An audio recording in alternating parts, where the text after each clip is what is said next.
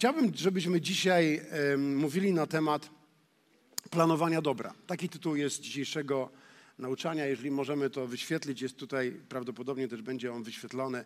Planujący dobro. To jest tytuł dzisiejszego kazania. Skąd wziąłem sobie e, taki tytuł? Pochodzi on z przypowieści Salomona. I Salomon właśnie mówi o ludziach, którzy planują dobro i mówi o tym, co może ich spotkać w życiu, jeżeli staniesz się człowiekiem planującym dobro. A więc e, przypowieści Salomona, 14 rozdział, werset 22. Oto Salomon mówi, łaska i wierność nie opuści planujących dobro. Tylko tyle. Łaska i wierność nie opuści planujących dobro. A więc jeżeli jesteś takim człowiekiem, który planuje dobro, to będziesz mógł spodziewać się w, swoim życiu łaski i wierności. I ona cię nie opuści. Będzie ci towarzyszyć. Co to znaczy, że będzie ci towarzyszyła Boża łaska? To znaczy, że to jest Boża przychylność. To jest Boże uzdolnienie. To jest e, otwarte niebo nad twoim życiem. To jest Boża wierność. Jeżeli Bóg da Ci słowo, będzie wierny. Jeśli otrzymasz obietnicę, On będzie przy Tobie i będzie wierny, aby to słowo wypełniło się w Twoim życiu. To, to jest niesamowita obietnica. Łaska i wierność nie opuści planujących dobro. Chcę być takim człowiekiem. Chcę być takim człowiekiem. Wiecie, bo kiedy my mówimy o planach, jest tak wiele, na ten temat się mówi, jest wiele różnych coachingowych materiałów, które mówią o tym, jak planować, jak ustalać cele, ale niewiele z tych, z tych materiałów, niewiele z tych różnych narzędzi, które znajdziesz w internecie, mówi o tym, jak planować dobro. Natomiast Bóg mówi sporo na temat planowania dobra, dlatego że możesz, możesz planować różne rzeczy. Jest wiele rzeczy, które możesz planować dla swojego życia, dla swojej rodziny, dla, dla, dla swoich pragnień, ale tutaj Bóg mówi o czymś, co jest Jego pragnieniem, o tym, co jest w Jego sercu. On mówi, kiedy będziesz planował dobro, kiedy będziesz człowiekiem, który planuje dobro, będzie Ci towarzyszyć moja łaska i moja wierność. Więc bardzo mi się podoba ta obietnica i ta, to słowo zachęty. I kiedy tak myślałem o naszym kościele, pomyślałem o wielu różnych rzeczach, które zrobiliśmy, o wielu różnych ludziach, którzy się nawracali, ale kiedy patrzę na, na życie wielu z nas, to myślę, że wielu z nas, zanim poznało Pana, to w naszych sercach było więcej planów zła niż planów dobra. Czy ktoś z Was kiedyś planował zrobić coś złego? Śmiało, śmiało, przyznajcie się. Jest ktoś, kto planował zrobić coś złego i ty wiesz, że to było złe, ale planowałeś, byłeś tak wściekły, byłeś po prostu tak zły na kogoś, mówisz, ja i mu, ja zaplanuję, ja, ja mu, wiecie, wiele takich różnych planów mieliśmy, kiedy byliśmy w okresie jeszcze uczenia się w dziecięcym albo młodzieżowym, planowaliśmy różne psikusy komuś, ale ja nie mówię o czymś takim, nie mówię o jakimś psikusie, nie mówię o jakimś żarcie, o naprawdę planowanie, planowaniu czegoś, co było absolutnie złe w Bożych oczach. Pamiętam, jak na samym początku rozpoczynaliśmy tutaj pracę w Częstochowie, nawróciło się trzech cinkciarzy. Niektórzy z Was wiecie, o jakich księciarzach. Nie będę podawał ich nazwiska, nie będę mówił o nich tutaj, nie chcę imiennie ich tutaj jakby mm, e, pokazywać, ale nawróciło się trzech księciarzy. Oni byli znani w Częstochowie, wtedy jeszcze nie było kantorów. A więc jak jak zajmowałeś się tą profesją, no to zazwyczaj pod peweksem. Tam gdzieś stałeś i tam po prostu sprzedawałeś walutę, a, ale to było niebezpieczne, a więc ci ludzie, oni też nie byli tacy e, słabi, to byli mocni faceci. A więc mieliśmy takich trzech nawróconych, silnych, mocnych facetów, którzy byli naprawdę bycza, byczaści, tacy wytatuowani i oni zajmowali się ka kasiurą. I, i, I nawróciło się tych trzech. I ja ogłosiłem chrzest, mówię, teraz będziemy mieli chrzest, mówię, zachęcam was, żebyście zapisali, tak jak my teraz też mamy też już blisko chrzest, a więc e, ja patrzę na listę, a tu dwóch się z nich wpisało, a ten trzeci nie. Ale wszyscy trzej się nawrócili, to absolutnie widzieliśmy dowód ich upamiętania, nawrócenia i ten jeden się nie nawrócił. Pomyślałem, nie rozumiem tego gościa, przecież on tak pokochał Boga i tak poszedł za Bogiem, ale, ale czemu się nie wpisał na tą listę do chrztu? A więc poszedłem do niego, żeby z nim porozmawiać. I on mówi, Widzisz, ta, ja, ja, wierzę w Boga, on powiedział. To nie, mówię, ale kochasz go? No, no tak, no to jak kochasz, no to zapisz się. Mówi, wiesz co, no nie mogę. Mówię, no ale dlaczego nie możesz się zapisać do chrztu? To, to jest przymierze z Bogiem, to jest pogrzebanie starego człowieka. On mówi, no właśnie. A mówię, ale a powiedz o co chodzi. A mówi, widzisz, jest pewien człowiek, który wisi mi, znaczy jest dłużny, tak, wisi, wisi mi dużo pieniędzy. To znaczy rozumiecie, co mam na myśli w tym slangu cinkcia, cinkciarzowym, tak? A więc e, ktoś mu jest po prostu dłużny dużo pieniędzy. I mówi, już wiele razy próbowałem wyegzekwować zwrot tych pieniędzy, ale ten gość nie chce wrócić. A więc kupiłem pistolet, mam broń i ja muszę gościa załatwić. jeżeli on nie odda mi tej kasy, ja go załatwię, a zaraz później przyjmę chrzest. Ja mówię, nie chcę podawać imienia. Mówię, jak tak możesz myśleć? Nie możesz tego zrobić. A mówi, wiesz co, ale ja wiem, że jak ja się na nowo narodzę, jak przyjmę chrzest, wszystkie moje grzechy będą przebaczone. To zrozumiał, to zrozumiał. Rozumiecie? Wszystkie moje grzechy będą przebaczone. Będą pogrzebane. Ten stary człowiek będzie pogrzebany. I od tego dnia będę już żył nowym życiem. I od tego dnia będę czynił tylko dobro. Rozumiecie? Takie myślenie. A więc ten stary człowiek będzie pogrzebany, ten grzech będzie mu przebaczony, tak? Tak? I od tego dnia będzie już tylko planował dobro. On wie, że już nie może planować zła jako nowy człowiek. On jako nowy człowiek nie może planować złych rzeczy, musi tylko planować dobre rzeczy. Ale przed chrztem, Jezus mi to wszystko wybaczy. Okej, okay, a więc takie to właśnie dziwne myślenie miały niektóre osoby, kiedy, kiedy się nawracały. Ale chciałem wam powiedzieć dobrą nowinę. Ten brat, on wyrzucił do jeziora, e, do jakiejś głębokiej wody, tak mi powiedział, wyrzucił ten karabin, ten, ten, ten pistolet i przyjął chrzest przebaczył, darował. To jest dobra nowina, to jest dobra nowina. Naprawdę autentyczna historia z, z początków historii naszego Kościoła. Chcę raz powiedzieć o pewnej kobiecie, która planowała cudzołóstwo.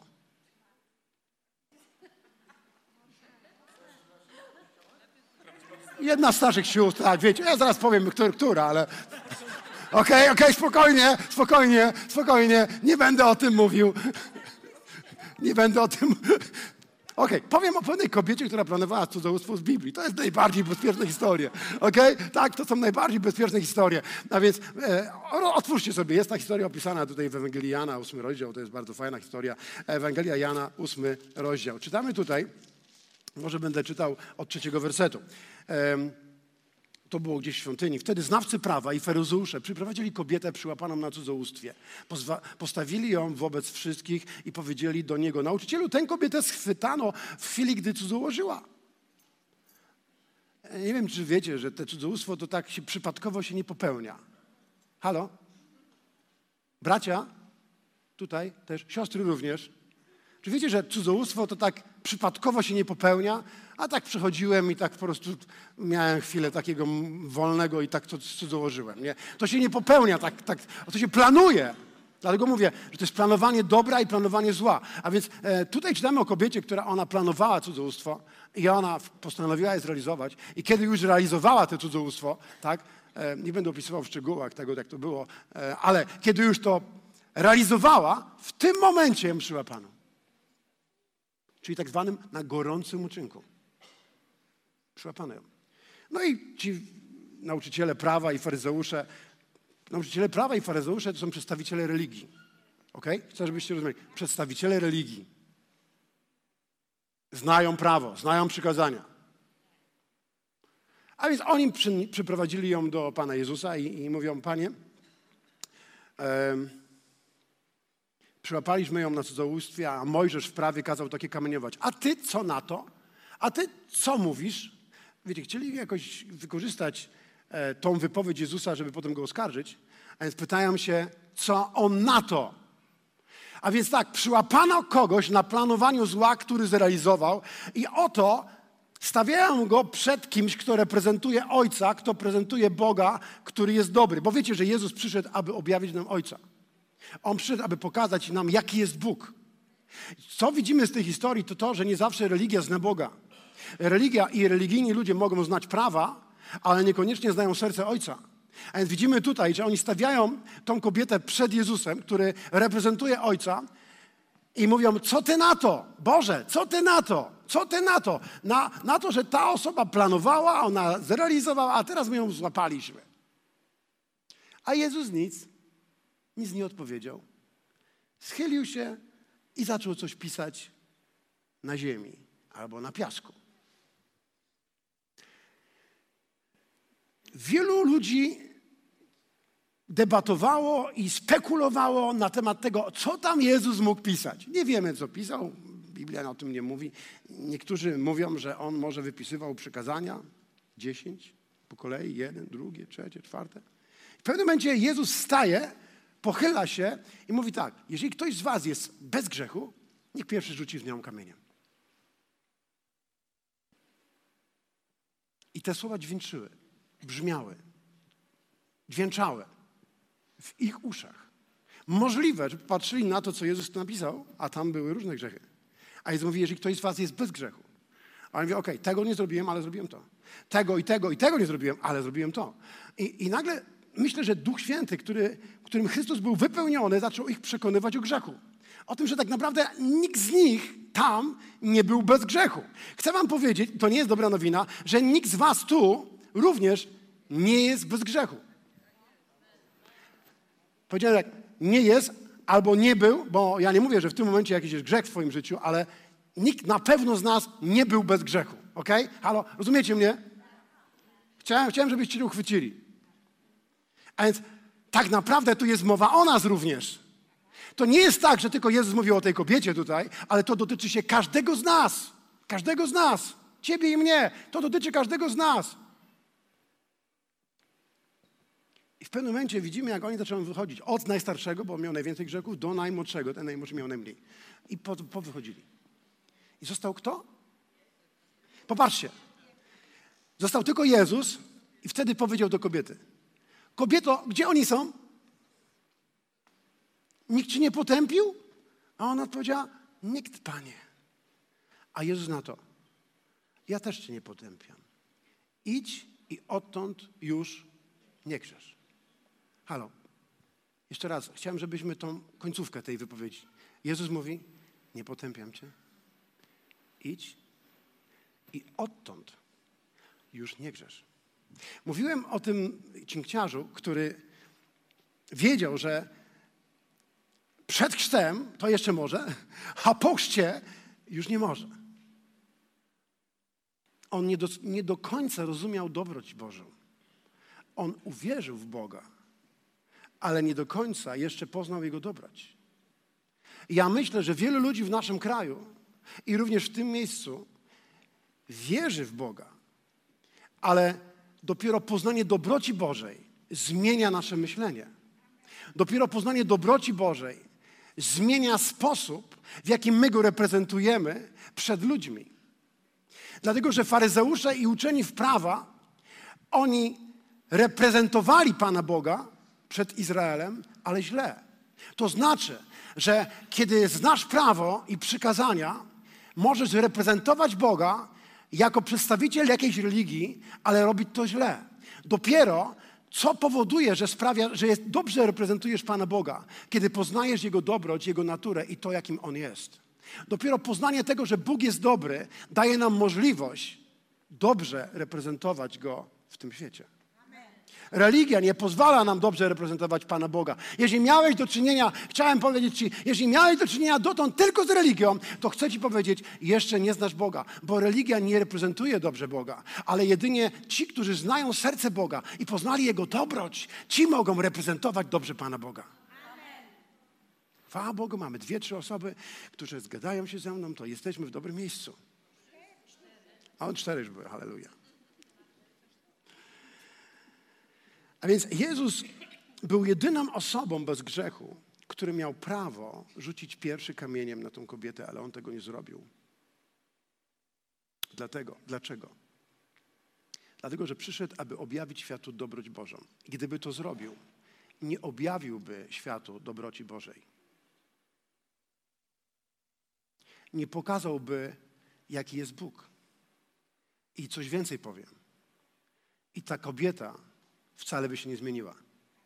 Bo to, co nas zmienia, to nie strach przed Bogiem i nie znajomość przykazań, ale znajomość serca Bożego i Jego dobroci.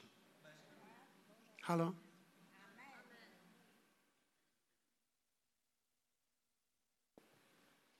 Zadam wam parę pytań. Czy Jezus akceptował cudzołóstwo? Okej. Okay. Powiedziane było nie. Czy miał prawo ją ukarać? Czy miał prawo rzucić tym kamieniem? On? Okej. Okay. Dalej. Czy znajomość prawa i strach przed kamieniowaniem, bo ja przypuszczam, że to kobieta jako Żydówka, ona znała to przykazanie, które mówiło on nie cudzołóż. I ona też wiedziała, że zgodnie z tym prawem może być ukamieniowana. Pytanie moje jest takie, czy znajomość prawa i strach przed ukamieniowaniem dała jej siłę, by pokonać grzech? Nie. Czy rozumiecie, co chcę przez to powiedzieć? Że to, co serwuje religia, nie daje ludziom mocy nad grzechem. Nie daje ludziom mocy do zmiany życia. Jedynie to, co daje ludziom moc nad zmianą i nad grzechem, to jest poznanie dobroci Bożej. I Jezus przyszedł, aby to uczynić, abyś był wolny od grzechu.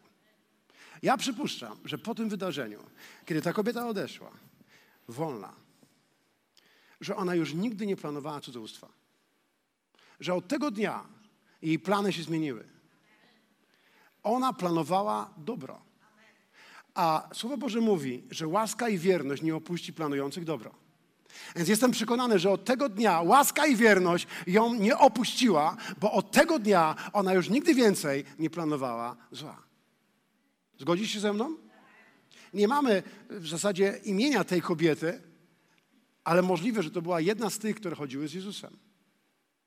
I osoby, które poznają Bożą dobroć, zostają przemienione przez Bożą dobroć. Już nigdy nie planują zła.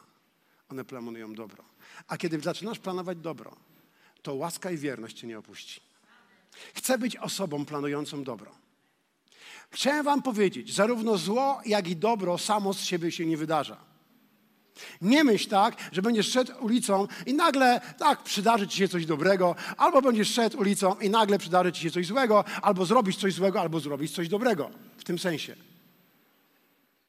To, że ci się przydarza coś dobrego, to dlatego, że Bóg kogoś pobudził, by planował dobro i ta osoba wyszła do, przeciwko tobie, naprzeciwko tobie i twoich potrzeb i odpowiedziała na nie. Chciałem wam powiedzieć, że jeśli my nie zaczniemy planować dobra i dobro względem ludzi wokół nas, i mieć takie, taką decyzję, że chcę być człowiekiem, który planuje dobro i w tym tygodniu uczynię coś dobrego, a jeszcze lepiej by było, gdybyś powiedział każdego dnia, każdego dnia chcę mieć takie, takie parę minut, takie 15, może 30 minut, aby, aby się zatrzymać, aby zrezygnować z swoich spraw, aby pozwolić Bogu użyć mnie, by okazać komuś Jego dobroć. Wow, co by się stało, gdyby to stało się częścią każdego z nas? Halo, posłuchajcie mnie. Co by się stało, gdyby każdy z nas powiedział, Panie, chcę być człowiekiem planującym dobro. W tym tygodniu planuję, że w poniedziałek poświęcę 15 minut na to, żeby uczynić coś dobrego. Możesz mi poprzeszkadzać, możesz mnie zatrzymać w moich wszystkich sprawach. Ja, każdy z nas ma wiele różnych spraw, każdy z nas ma wiele różnych zajęć, każdy z nas ma, planuje dobro dla siebie, dla swojej rodziny, dla swoich dzieci. To jest normalne, że planujemy dobro dla siebie. To, co dobre. Nikt nie planuje, a dzisiaj to sobie wbije nóż w plecy, albo gdzieś tam w kolano, albo po prostu przewrócę się na rowerze. Nikt tego nie planuje. Ja, ja jakiś czas temu wybrałem się na rower. Ja, ja zawsze planuję, żeby takie ekstremalne zjazdy sobie zrobić, ale nigdy, kiedy zjeżdżam do jakiejś takiej ekstremalnej tam na, w tej jurze, e, Nigdy nie planuję, że się wywrócę, a zazwyczaj się wywracam. Moja żona mówi, ty jak wyjdziesz, to już jest pewne, że, że ty się poobijasz całe. Czy planowałeś to? Nie, nigdy tego nie planuję. Ja nigdy nie planuję, że, że się przewrócę. Ale niektóre rzeczy nam się wydarzą. Już coraz jestem mądrzejszy, już nie zjeżdżam z takich gór i nie hamuję na przedni hamulec. Bo to było najgorsze, jak hadowałem na tym przedni. I to, mówię wam, to powodowało te różne rzeczy. No. Ale, ale o co chodzi? Ale my możemy planować dobro. Możesz zaplanować, że zrobię w tym tygodniu coś dobrego. Mogę. O, jaki tam mój kalendarz? Tutaj, o, tu nie mam czasu, tu nie mam czasu. W poniedziałek, nie, nie, nie, poniedziałek nic nie zrobię dobrego dla niego. A wtorek, nie, też nie mam czasu, tutaj też nie mogę nic zrobić. O nie, czwartek, te, czwartek, mam tak napity czas, jestem tak zajęty od rana. Nie, nie, w tym dniu, tutaj, tutaj też nie jest czas. Piątek, no poszedłbym na tą grupę, ale nie, nie jestem tak zajęty. To, to nie, to, ale mógłbym być błogosławieństwem dla kogoś, podzielić się świadectwem swoim. Nie, nie, ale też jestem zajęty. Nie, w piątek też nie pójdę na małą grupę. A więc sobota, o nie, sobota to jest taki czas dla mnie. Muszę zrelaksować się i trochę, trochę hobby, ale nie, w sobotę też nie mam czasu. Wiesz, tak naprawdę możesz popatrzeć na cały tydzień i powiesz, poniedziałek nie mam czasu, wtorek nie mam czasu, środę nie mam czasu, czwartek nie mam czasu, piątek, czwartek. o, niedziela, dzień dobroci, halleluja, będę czynił coś dobrego. No ale rodzina przychodzi, wiesz, i ten czas, tak, i tak. Wiesz, tak naprawdę Tydzień za tygodniem mija, dzień za dniem mija i my, jeśli nie zaczniemy planować dobro i nie zrozumiemy tego, o czym dzisiaj mówię, że Bóg nas zbawił po to, abyśmy byli ambasadorami dobra, abyśmy byli tymi, którzy w Jego imieniu czynią dobro i jak, tak jak On planował dobro i pozwalał, żeby Duch Święty albo Ojciec używał Go, by czynił dobro i Jezus tak naprawdę dał całego siebie do dyspozycji Ojca, aby czynić dobro. Tak my potrzebujemy dać siebie Ojcu i Panu Jezusowi i Duchowi Świętemu, aby On przez nas czynił dobro. Jeśli tego nie zaplanujemy, to się nie wydarzy.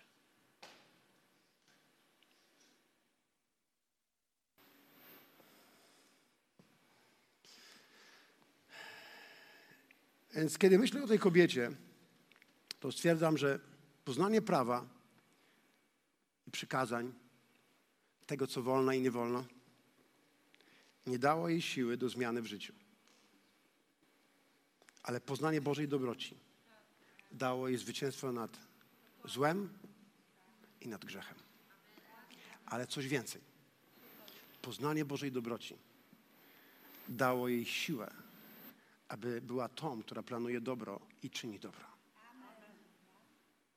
My często, kiedy głosimy Ewangelię Królestwa, mówimy o tym, o tej zmianie, która nastąpiła w naszym życiu. I akcentujemy to, że już nie robimy pewnych rzeczy.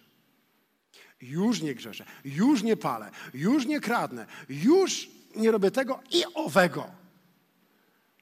Ale tu nie chodzi tylko o to, w tym całym Bożym planie, żebyś nie robił złych rzeczy, ale żebyś był ambasadorem dobra. Abyś reprezentował Pana Jezusa. Abyś był świadkiem Chrystusa dla tego świata. Abyś był świadkiem dobrego Boga. Tak jak jest był świadkiem Ojca. Abyśmy byli świadkiem dobrego Boga. A łaska i wierność nie opuści tych, którzy planują dobro. A łaska i wierność nie opuści tych, którzy planują dobro. Chcę być człowiekiem, który planuje dobro. Powiedzcie ze mną. Łaska i wierność nie opuści tych, którzy planują dobro. Mnie się to podoba. Ta obietnica. A wie, wiem też, że Bóg jest wierny. Jeśli to mówi, to znaczy, że On dotrzyma słowa. Jego łaska, Jego wierność będzie ze mną. Okej. Okay.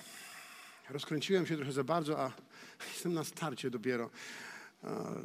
A obiecuję wam, że dzisiaj dobrze skończymy.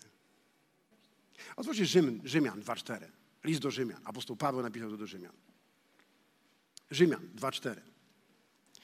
Albo czy lekceważysz bogactwo Jego dobroci, pościągliwości i cierpliwości, nieświadomy, że dobroć Boga prowadzi do opamiętania? Tutaj występuje greckie słowo metanoian. Po, po, popatrzcie na ten werset. Jeśli mamy go wymienionego, wyświetlonego, to super. Popatrzcie. Paweł mówi, że można zlekceważyć Jego dobroć, którą On nam okazał.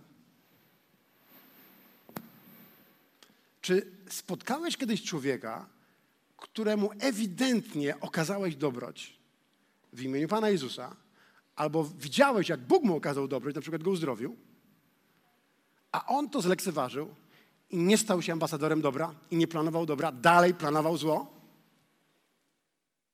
i czynił je? Halo? Czy, czy, czy to tak w książkach tylko jest, czy w ogóle w życiu też? Też tak jest.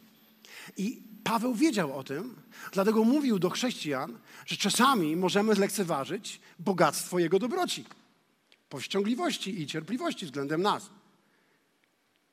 Nie rozumiejąc, czemu Bóg okazywał nam dobroć.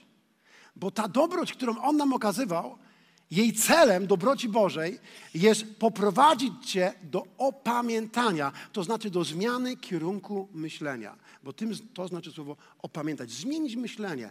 A więc jeżeli myślałeś o Bogu, tak jak ci faryzeusze, uczeni prawa i, e, i, i sadyceusze, oni mieli jakiś obraz Boga. Ten obraz Boga był niewłaściwy i ten obraz Boga miał wpływ na ich sposób myślenia i życia.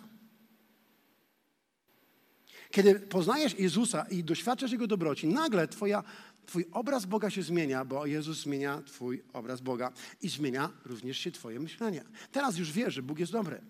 Ale nie tylko to, już teraz wiesz, że On jest w tobie, a ty jesteś w Nim. Chrystus w nas.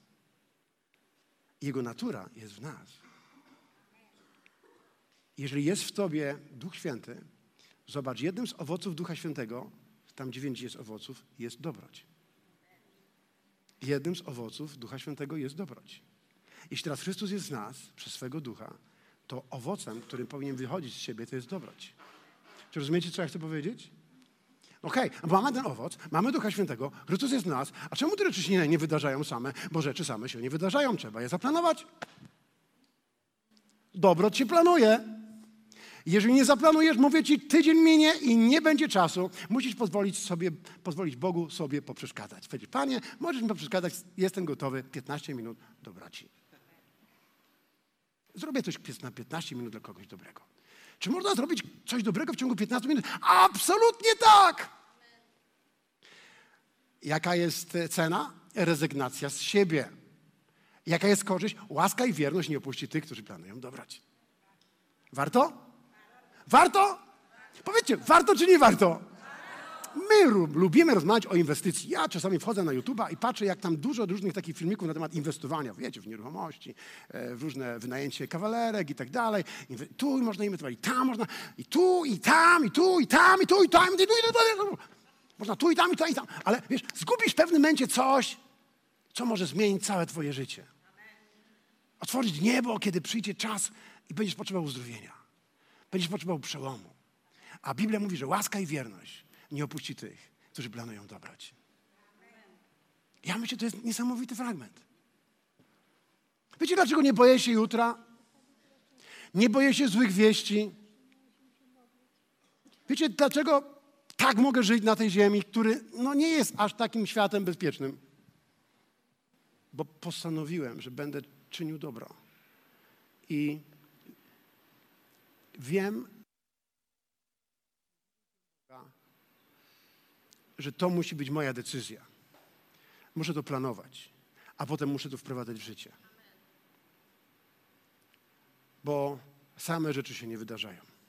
Ale jeżeli wiem, że to robiłem, a jestem już 34 lata chrześcijaninem, i gdybym zrobił wykaz taki z jednej strony rzeczy, które doświadczyłem, dobre rzeczy, które doświadczyłem od Pana Boga, albo bezpośrednio, albo przez ludzi bożych, a potem to, co ja dobrego ja zrobiłem, to mówię wam, Bóg wygrywa w tym rankingu.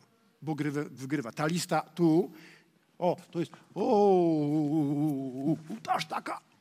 A moja, to tak może tyle. I mówię, muszę to poprawić, bo mam 56 lat, a nie wiem, ile będę żył. A więc muszę zacząć planować, bo jak tylko będę czekał na jakąś okazję, to czasami te okazje nie przyjdą. Ja muszę to planować. Kiedy planujesz, okazja cię spotyka. Czy wiesz, że tak jest? Kiedy ciągle przygotowujesz się i planujesz, to spotykają cię okazje. Kiedy nie jesteś przygotowany i nic nie planujesz, to żadne okazje cię nie spotykają. Nie ma sukcesu w życiu. A łaska i wierność nie opuści tych, którzy planują dobro. Ja potrzebuję przez najbliższe jeszcze kolejne 20-30 lat, ilekolwiek tam będę żył, potrzebuję Jego łaski i wierności.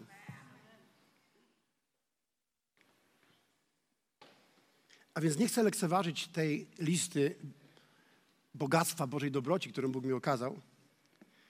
Ona, jej celem było doprowadzić mnie do upamiętania, to znaczy do zmiany myślenia, bym przestał myśleć, że jestem tylko beneficjentem dobroci Bożej. To znaczy, że tylko mam przyjmować Bożą dobroć. Wielu chrześcijan się nawraca i mówią, a teraz będzie Bóg mi błogosławił. Halleluja. A teraz się wszystko zmieni. Halleluja. A teraz już długi, franki zamienią już teraz na złotówki i w ogóle, albo w ogóle wszystko mi oddadzą. Teraz to już wszystko będzie tak dobrze. Tak jak mi nie szło tam z dziewczynami, teraz mi już pójdzie. Tak mi tam nie szło, wiecie, tam na tej lurletce, tej hazardzie, to teraz mi już pójdzie. Wiecie, to, to w ogóle nie rozumiemy pewnych rzeczy. Czy wiecie, że co, co ja mówię? To nie tak. To nie tak. To nie po to Bóg ci pokazał, objawił swoją dobroć. Chodzi o zmianę twojego myślenia. Chodzi o to o 180 stopni, żebyś zaczął teraz być ty ambasadorem dobroci. Żebyś zaczął to planować. Okej, okay, dobrze. A więc napisałem tego myśl, to nie wiem, czy to będziemy mogli wyświetlić. To, w co wierzymy odnośnie Boga jaki Jego obraz nosimy w sercu, określa sposób, w jaki będziemy Go reprezentować. Jest to tutaj? To jest ważna myśl. Posłuchaj. Jestem przekonany, że ci religijni, e, uczeni w piśmie, uczeni prawa i faryzeusze, oni nie reprezentowali dobrze Pana Boga. Jestem przekonany, że Jezus to zrobił dobrze. Czy Jezus kochał grzech? Czy, czy akceptował cudzołóstwo? Nie. Czy on mógł ją potępić? Tak, mógł, ale nie zrobił tego. Dlaczego? Bo on wiedział, że to nic nie da. On wiedział, że to nic nie da. Czy kogoś z was tata lał pasem? Za moich czasów się lało pasem. Ja lałem pasem mojego syna. Pokutuję z tego za dużo po prostu. Czasami tylko powinienem. Ale nic to nie zmieni. To, to, to pa- paka tam macha głową, bo my razem mieszkaliśmy jak Paweł i Gaweł w jednym domu. Ciebie też lałem? Tata cię lał. O, tata cię lał, to dobrze. Jej tata był jednym z tych trzech cinkciarzy, którzy się nie wrócili. Mogę powiedzieć. On jest w niebie on tam ma dobry czas. Ale to nie chodziło o niego, tak od razu powiem. To nie chodziło o niego. Już mamy jednego wyeliminowanego. Do końca kazania będziemy znali odpowiedź. Okej, żartuję. To tylko wiecie, to takie mamy fajne po prostu kazania w, w niedzielę. Musi być w kościele wesoło. E, słuchajcie. Czy myślicie, że to, że tata mnie lał, to mi pomogło i stałem się dobrym Tomkiem? Czy myślicie, że to, że ja lałem mojego syna, to stało, tak spowodowało, że on stał się aniołem? Nie. To nie pomogło. Mówię wam, to nie pomogło. Gdybym ja wam powiedział, co on robił, ale on teraz jest pastorem i on teraz chyba dzisiaj głosi kazanie jakieś, a więc jakby się potem dowiedział z Facebooka, że ja o nim mówiłem, a to byłby obciak. Nie, ale nie zrobię tego. Ale zawsze wyłoziła wszystko, co zrobił złe. Jakoś tak było, że nie miał takiego szczęścia, że co przeskrobał, wszystko to wychodziło. Ale przed dzień, w którym Szymon, pamiętam ten obóz, Fear Factor to był, w Bytowie. Pamiętam ten dzień, jak, jak on razem z drugim takim swoim kolegą klęczeli i płakali. Łzy leciały im prawdziwe, to nie był jakiś tam, wiecie, ściema. To były prawdziwe łzy. I to był dzień, w którym on doświadczył Bożej dobroci. I jego serce się zmieniło. I on od tego dnia już nie planował tych wygupów z kumplami, ale planował dobro. I w końcu jakoś to tak się zrobiło, że, że pastorem nawet został. Bo planował dobro. Czy rozumiecie, co znaczy, o czym ja mówię? To dobroć Boża, to miłość Pana zmieniła jego serce. Biblia mówi, że miłość Boża ogarnia nas, czyli dobroć Boża, bo największy przejaw Bożej dobroci objawił się w Jego miłości na krzyżu. Mówiłem o tym, że to była największa manifestacja Bożej dobroci na krzyżu Golgoty. Miłość Boża, kiedy nas ogarnia, to dochodzimy do przekonania, że jeden za wszystkich umarł, zatem my również umarliśmy dla grzechu i dla świata, a odtąd teraz żyjemy, aby żyć dla Niego i czynić dobro i reprezentować Go jako Jego ambasadorzy na tym świecie. To jest to, do czego Bóg nas powołuje. Okej. Okay. Obiecałem, że skończymy dobrze. Widzicie, nauczyłem się przez te wszystkie lata mojego chodzenia z Bogiem, że istnieją dwa sposoby, dwa, dwa sposoby, w jakich Bóg okazuje swoją dobroć. Chcecie wiedzieć? Dwa sposoby. To jest dobre. To jest moje objawienie. O, już jest, chodź. Miałem powiedzieć, a już, już wiecie. Pierwszy, poprzez, ponad, poprzez ponadnaturalne, bezpośrednie działanie Ducha Świętego. Nazwam to ingerencja z nieba. Tak jak uzdrowienie, namaszczenie do uzdrowienia, kiedy przychodzi. To jest absolutna ingerencja z nieba. Niektóre przełomy w naszym życiu są niczym innym jak ingerencją z nieba. Uwolnienie kogoś z jakichś związań demonicznych to jest ingerencja z nieba. A drugie to jest przez naturalne działanie ciała Chrystusa, czyli przez wierzących. I nazywam to ingerencja z ziemi. Potrzebujemy, aby niebo z ziemią się spotkały. Ingerencja z nieba ingerencja z ziemi jest potrzebna. To jest Boży plan. Bóg chce, aby pojawiła się ingerencja z nieba ingerencja z ziemi. Zauważyłem, że czym więcej my pozwalamy Bogu nas użyć, aby On mógł nas użyć, aby ingerować i okazywać dobro, tym więcej nieba przychodzi do naszego ziemi, do naszego życia i do życia innych ludzi. Czyli kiedy Ty pozwalasz Bogu, aby On Cię użył jako ambasadora dobroci i, i, i ta ingerencja z ziemi przychodzi przez Twoją dobroć, którą Bóg uczynił w sercu, to wtedy przychodzi również z góry. Czym więcej jest z dołu, tym więcej jest z góry. Czym więcej jest z dołu, tym więcej jest z góry. Czym więcej my jesteśmy do dyspozycji Boga. I mówię, Panie, pozwalam Ci poprzeszkadzać i możesz mnie użyć, aby zrobić te 15 minut w poniedziałek przynajmniej, a potem jeszcze czwartek, drugi 15, coś dobrego dla kogoś. To wtedy więcej nieba przychodzi, więcej ingerencji z nieba wtedy widzę w Twoim życiu. Nie wierzycie? Spróbujcie. Nie wierzycie? Spróbujcie. To działa po całym świecie, również w Polsce.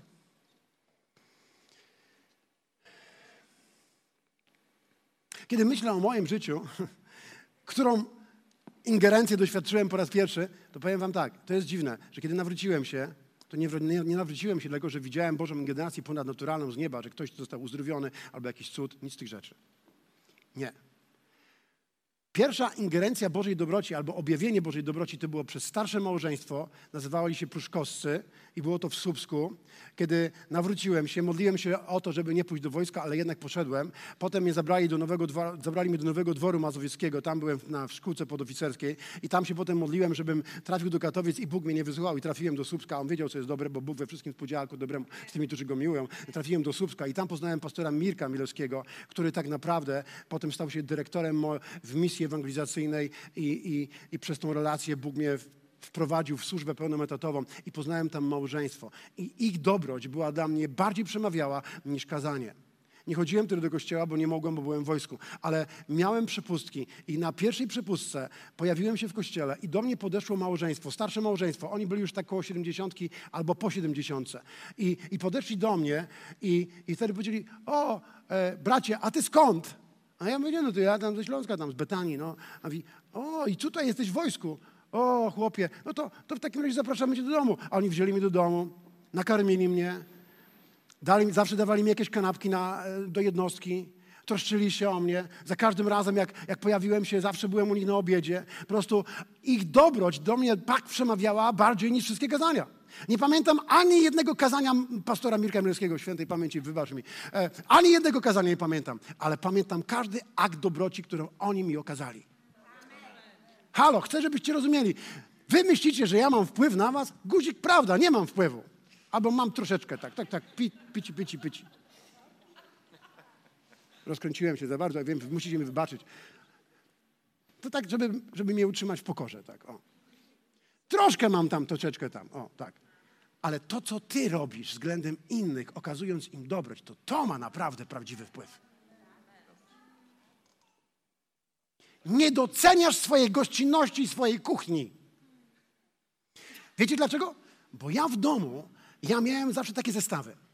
Jak dostawałem bułkę, to tu była jedna połówka, tu była druga, a tam był tylko serek e, e, na przykład z masełkiem. Tata powiedział, nie, dwie rzeczy nie można. Nie, nie. Serek i kiełbaska to byłaby rozrzutność. Tylko było jedno coś. Ja przychodzę do nich do domu, a oni, na, na, na pierwsze spotkanie, kiedy tam byłem, oni zastawili przede mną stół taki sposób. Ja mówię, co to wesele jakieś? A oni okazali mi dobrać. Serki i, i pomidorki, i szyneczka, i, i, i dżemiki, i, i ogórę. I, no, mógłbym wymieniać to wszystko, ale to nie o to chodzi. Powiem wam, ja byłem tak ubłogosławiony ich hojnością i dobrocią. To było wszystko Boża dobroć. To przemawiało do mnie. Wiecie, że była różnica wiekowa około 50 lat? Czy to mi przeszkadzało? Nie. Ty myślisz, że nie możesz mieć wpływu na młodych ludzi? Nieprawda. Możesz mieć wpływ, potężny wpływ przez swoją dobroć, przez swoją gościnność. Możesz mieć wielki wpływ. Nie myśl, że ty już teraz jesteś na bocznym torze. Nie, możesz cały czas mieć wpływ. Tylko pozwól Bogu, aby ci przeszkadzał i otwórz swój dom, aby być błogosławieństwem dla innych.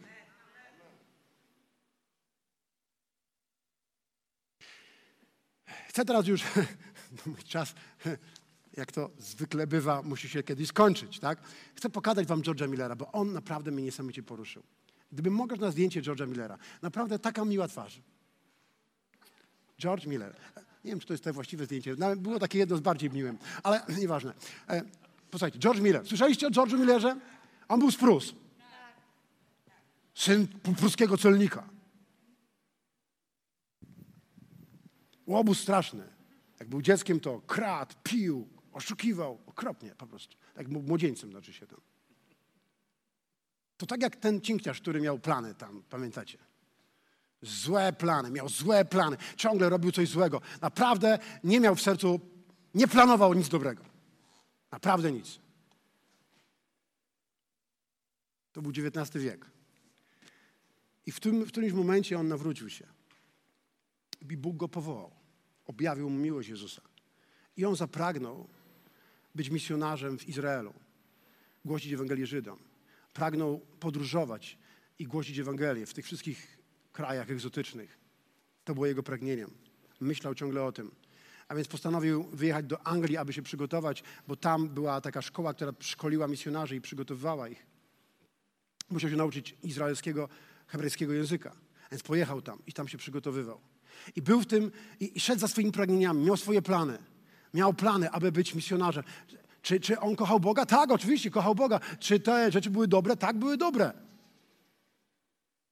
To były jego pragnienia. Czy ktoś z Was ma pragnienia, które są Twoimi i które możesz zaliczyć do dobrych? Bo gdybyście ich nie mieli, to znaczy, jesteście martwi. A więc to jest. Okay. Mamy, kochamy Boga, mamy pragnienia i one są dobre. Ale czy to są te, które są w sercu Boga odnośnie Twojego życia i ludzi, którzy są wokół Ciebie? Nie zawsze. Czasami tak, ale nie zawsze.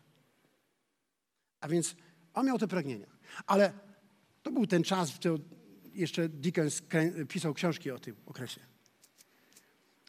I on wychodził na ulicę i ciągle widział dzieci, dzieci ulicy, w nędzy. Małe dziewczynki, małych chłopców, którzy nie mają co jeść, kradną, oszukują, żeby zdobyć jedzenie. Niektórzy są wykorzystywani w celach seksualnych, żeby zdobyć jedzenie, małe dziewczynki. I on widział ich, że, że państwo i rząd nie robi nic w Anglii, żeby tym dzieciom pomóc. I to dotykało jego serca. I w pewnym momencie powiedzieli z żoną, zostaniemy tutaj, nie wyjedziemy do Izraela, nie wyjedziemy do egzotycznych krajów, nie pójdziemy za pragnieniami, bo widzimy te potrzeby, jakie są i musimy na nie odpowiedzieć. A więc co zrobili? A oni zamienili swój dom w sierociniec i wzięli 30 dzieci. 30 dzieci ulicy do swojego domu. Jak pomyślałem ostatnio z żoną, mówię, muszę pogadać, ile by się u nas dzieci zmieściło. Ale widzisz, to jest to, że my myślimy, że my będziemy robili to, co George Miller. Guzik prawda, przepraszam, że to wyrażenie. To były takie czasy i tam były takie potrzeby. Dzisiaj mamy inne czasy i mamy inne potrzeby. A więc tu chodzi o to, żeby pozwolić Bogu pokazać Ci, jakie są potrzeby dzisiaj i w jaki sposób możesz na nie odpowiedzieć i w jaki sposób Boża dobroć będzie się mogła e, ma manifestować przez Ciebie i ta ekspresja dobroci Bożej wyjdzie przez Ciebie. Bo dzisiaj jest inaczej. To już nie jest tak. To, jaki jest system dzisiaj w rządzie naszym, to jest dobre. 500 plus, 300 plus. Ostatnio widziałem nawet takie informacje 2000 plus na drugą żonę. To jest dobry kraj. Teraz żartowałem dla tych, którzy nie wiedzą. Teraz żartowałem, ok. Musicie rozgraniczyć, kiedy było. Ale jak ktoś już głosi dłużej niż 30 minut, to już musi to bo inaczej to ludzie nie wytrzymają dłużej.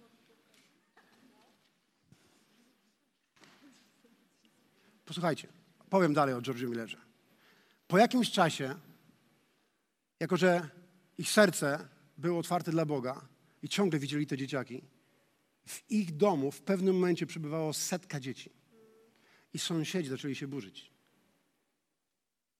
że te dzieci hałasują, przeszkadzają. I on zaczął się modlić. I postanowił, że nigdy nie poprosi żadnego człowieka o pieniądze, ale będzie prosił Boga, aby dał mu środki, by on mógł być ambasadorem Bożej dobroci i okazywać dobroć Bożą tym sierotom. Wiecie, że Biblia mówi, że Bóg jest Bogiem, ojcem sierot i wdów? W jaki sposób On może zatroszczyć się o sieroty i wdowy? Jest tylko jeden sposób. Przez Ciebie. On musiał pozwolić Bogu sobie poprzeszkadzać i zmienić planem. Bo on chciał do Izraela, bo tam ciepłe kraje, wiesz, fajnie tam palmy i różne inne daktyle. Ale, ale on pozwolił Bogu sobie poprzeszkadzać i został w tej paskudnej, mokrej, mglistej Anglii, aby służyć dzieciom. I chciałem wam pogadać szybciutko. Zobaczcie, to są dzieciaczki. A mamy trochę tutaj mocno światła. By można te, na, na moment tylko te wy, wy, wyłączyć, te takie na górze. O, tutaj dziewczynki, tutaj klasa dziewczyn. Zobaczcie. To tylko jest jakaś część. To jest jakaś z jednego domu. E, teraz tutaj pokażę wam pierwszy dom, to są numery. Numer jeden wybudował pięć domów, to jest numer dwa. Teraz numer trzy, numer cztery i numer pięć. Można zapalić światło. Pięć domów, w których było ponad 1500 dzieci w jednym czasie i Pan Bóg troszczył się o wszystkie te dzieci, dlatego że jeden człowiek potrafił zaufać mu i powiedzieć: Panie, pozwolę sobie trochę poprzeszkadzać, a więc zajmę się tymi dziećmi. Wiecie, jak długo on pozwalał Bogu przeszkadzać? 63 lata. 63 lata zajmował się dziećmi. I kiedy był już po 70, zaczął podróżować. I od 70 roku życia przez 16 lat podróżował po, po trzech kontynentach, głosząc Słowo Boże i ogłaszając Jego Królestwo, Jego dobroć i Jego wierność. Umarł mając 93 lata. Zdążył się załapać na Izrael? Zdążył. Ale wcześniej pozwolił sobie Bogu poprzeszkadzać. Nie 15 minut w tygodniu, ale 63 lata w swoim życiu. Amen. Czy ktoś z Was może powiedzieć amen? amen? Panie, pozwól mi stać się człowiekiem, który planuje dobro. To jest moja modlitwa. I mógłbym jeszcze tak głosić i głosić i głosić i głosić, ale właśnie grupa muzyczna mi chwała Bogu pomogła. Chcę zakończyć cytatem Marka Twaina. Mark Twain powiedział, że są dwa najważniejsze dni w życiu człowieka. To ten, w którym się urodził i ten, w którym odkrył dlaczego. Pomyślcie o tym przez chwilę. Jeszcze raz. Dwa najważniejsze dni. Jeszcze nie wyświetlać za szybko. I ja to skorygowałem. I oto cy- cytat e, jakby rozszerzony, wersja rozszerzona Tomasza Kmiecika. Są trzy najważniejsze dni w życiu człowieka. Pamiętajcie. Pierwszy to ten, w którym się urodził. Drugi, ten, w którym odkrył dlaczego. I trzeci, w którym poznał Bożą dobroć i urodził się na nowo, by objawiać światu tą dobroć. Dzisiaj chcę Was zachęcić, abyście stali się ludźmi, którzy planują dobro. Dlatego, że łaska i wierność nie opuszcza tych, którzy planują dobro. Chcę się stać takim człowiekiem. To jest moja modlitwa.